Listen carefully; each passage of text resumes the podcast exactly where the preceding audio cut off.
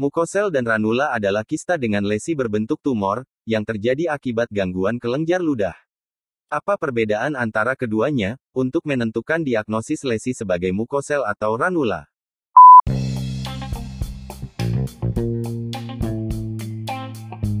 Halo. Selamat datang di podcastnya Dokter Gigi Gaul. Pada episode kali ini, akan membahas perbedaan antara mukosel dan ranula, untuk mendapatkan diagnosis dan tata laksana yang tepat. Mukosel dan ranula merupakan lesi yang paling umum timbul di rongga mulut. Meskipun sama-sama terjadi akibat gangguan pada kelenjar ludah, terdapat beberapa perbedaan prinsipil antara keduanya. Mukosel, kista yang bersumber dari kelenjar ludah minor, timbul bila ada gangguan pada aliran sekretnya. Mukosel dibagi menjadi dua jenis, yaitu, mukosel ekstravasasi dan mukosel retensi. Mukosel ekstravasasi, sesuai namanya, merupakan pengumpulan atau ekstravasasi sekret di jaringan ikat, akibat adanya trauma pada ductus salivarius minor. Sedangkan yang kedua, mukosel retensi, muncul karena tertahannya atau terjadinya retensi pada saluran air liur, yang menyebabkan akumulasi air liur di dalam sistem ductus. Mukosel retensi merupakan jenis yang kurang umum dari mukosel.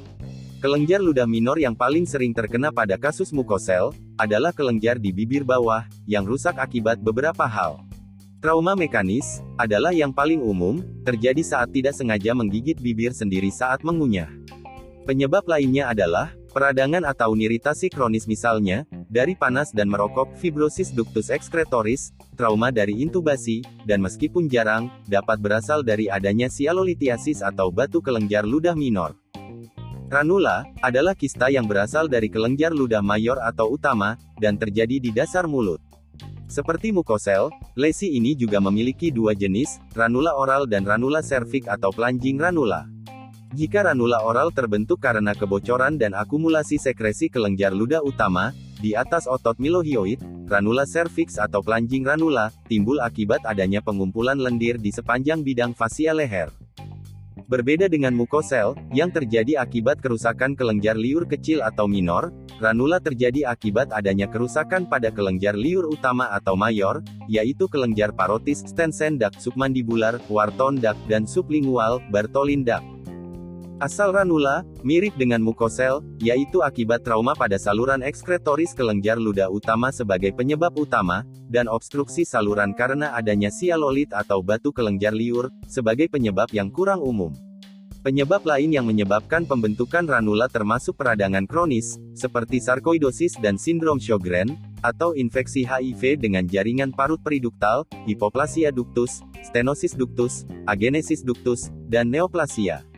Variasi anatomi dalam sistem duktus kelenjar sublingual dapat meningkatkan risiko pengembangan ranula, ketika saluran Bartholin terhubung dan bermuara ke saluran Wharton. Pada pemeriksaan fisik, mukosel tampak berbentuk kubah, tidak nyeri pada saat ditekan, berfluktuasi, tidak memucat saat diberi tekanan, dan pembengkakan bergerak dengan ukuran 0,1 hingga 4 cm. Mukosel superficial memiliki rona kebiruan hingga tembus cahaya, meskipun lesi dengan lokasi lebih dalam di rongga mulut, memiliki warna merah muda. Meskipun mukosel dapat terbentuk di mana saja di rongga mulut, sekitar 80% cenderung terbentuk di mukosa labial bawah dengan dasar mulut, lidah ventral, mukosa bukal, dan langit-langit. Ranula oral, di sisi lain, tampak sebagai pembengkakan besar, kistik, tembus cahaya hingga biru di dasar mulut yang menyerupai perut katak. Seperti mukokel, mereka memiliki konsistensi yang lembut dan tidak memucat saat ditekan.